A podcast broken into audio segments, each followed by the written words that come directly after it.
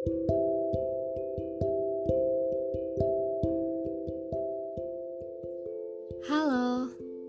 Ah, ini sedikit canggung. Aku seperti entahlah, ragu mungkin, tapi tidak apa-apa. Aku akan memulainya sekarang karena aku percaya aku sudah berdamai dengan kisah ini. Maka, kutunjukkan pada kalian betapa aku sangat berperan baik dalam ceritaku sendiri.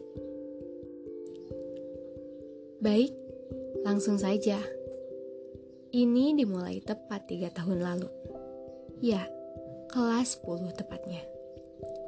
Hari-hari masa orientasiku berjalan semembosankan itu. Tidak ada yang istimewa.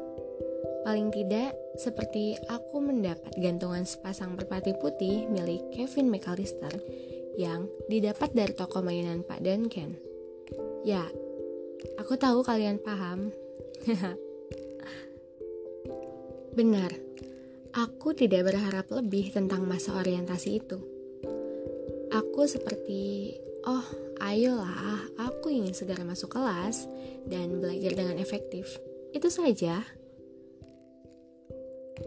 Hari itu, aku tidak benar-benar berpikir untuk melabuhkan hati pada siapa pun. Jujur, tujuanku hanya naik kelas dan lulus dengan nilai baik. Tapi ya, seperti yang orang lain bilang, namanya juga hati. Tidak ada yang tahu kapan dan pada siapa dia menjatuhkan pilihannya. Hari-hari berikutnya, aku terlempar ke kelas IPS yang dari awal memang sudah kupilih.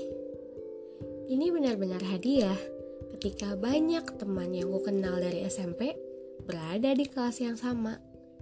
Aku menyukainya, senang sekali.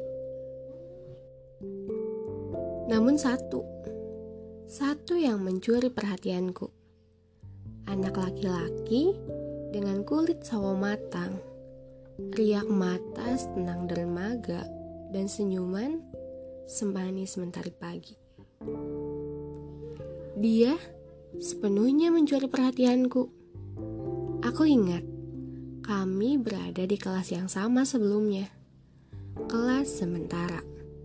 Maka, dengan so akrab, aku menyapanya. Syukurlah, dia mengenalku. Namun, sebatas itu, tidak ada percakapan berlebih. Waktu berjalan pada hari-hari di mana aku dibawa jauh dari ekspektasiku tentang anak itu. Makin hari, dia makin menyebalkan, makin menjadi-jadi, dan dia sedikit sombong. Aku benci itu. Hubungan kami benar-benar tak baik, tapi aku tidak merasa rugi sama sekali. Lebih baik tak usah berteman sekalian, pikirku. Tapi Dunia itu konyol. Ada-ada saja. Tahu apa? Satu tahun berlalu, hampir tak ada satupun tugas kelompok yang tak pernah kami lewati bersama. Ya, aku selalu dan selalu saja berada di kelompok yang sama dengan anak itu. Aku benci awalnya, tapi aduh, hatiku ada-ada saja. Di penghujung tahun, hatiku berujar lirih. Katanya, aku suka dia. Anak menyebalkan itu. Aku suka dia. Benar, ini gila. Waktu terus bergulir, tak terasa. Sudah berada di kelas 11. Ada kabar baik, ada kabar buruk. Kabar baiknya, hubungan pertemananku mulai remang-remang menemui perdamaian. Kabar buruknya, aku semakin jatuh terlalu dalam pada anak itu. Apa dia tahu? Jelas tidak. Aku cukup waras untuk tidak menghancurkan reputasiku dengan mengatakan bahwa aku menyukai manusia yang sebelumnya sangat aku benci. Itu memalukan. Tahun-tahun akhir aku di SMA, rasa itu semakin tegas saja, semakin kuat dan menguasaiku. Dia tahu, jelas tidak.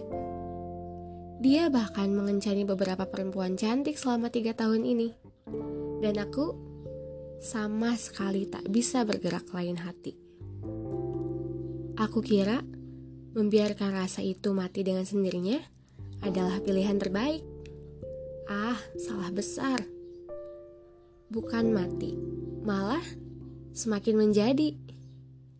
Maka, dengan segenap ego yang kusingkirkan dan harga diriku yang kukesampingkan pada Mei 2020, aku mengatakan semuanya pada dia.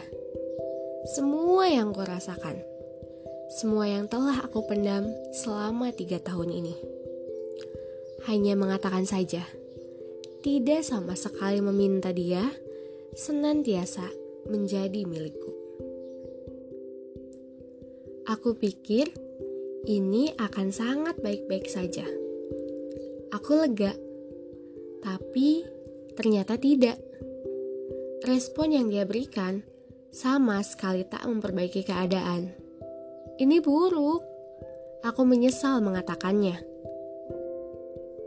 aku lagi-lagi harus berlapang dada dan berkata pada diriku bahwa tak apa untuk merasa gagal, tak apa bersedih hari ini. Suatu hari pasti akan sembuh. Namun, di titik ini, hari ini, detik ini saat kurangkai cerita ini, nyatanya aku masih tidak baik-baik saja ingatan tentangnya jauh lebih bisa menguasai diriku. Berakhirlah, aku menjadi perempuan dengan luka yang tak kunjung mengering. Entah apa selanjutnya, tapi aku harap aku bisa duduk berdua dengan laki-laki itu, bercakap sekali lagi untuk terakhir kalinya, mengatakan semuanya dengan kepala dingin, meluruskan yang sebelumnya salah, dan aku berjanji akan benar-benar menyerah memikirkan dia. Dan selanjutnya, semoga aku baik-baik saja.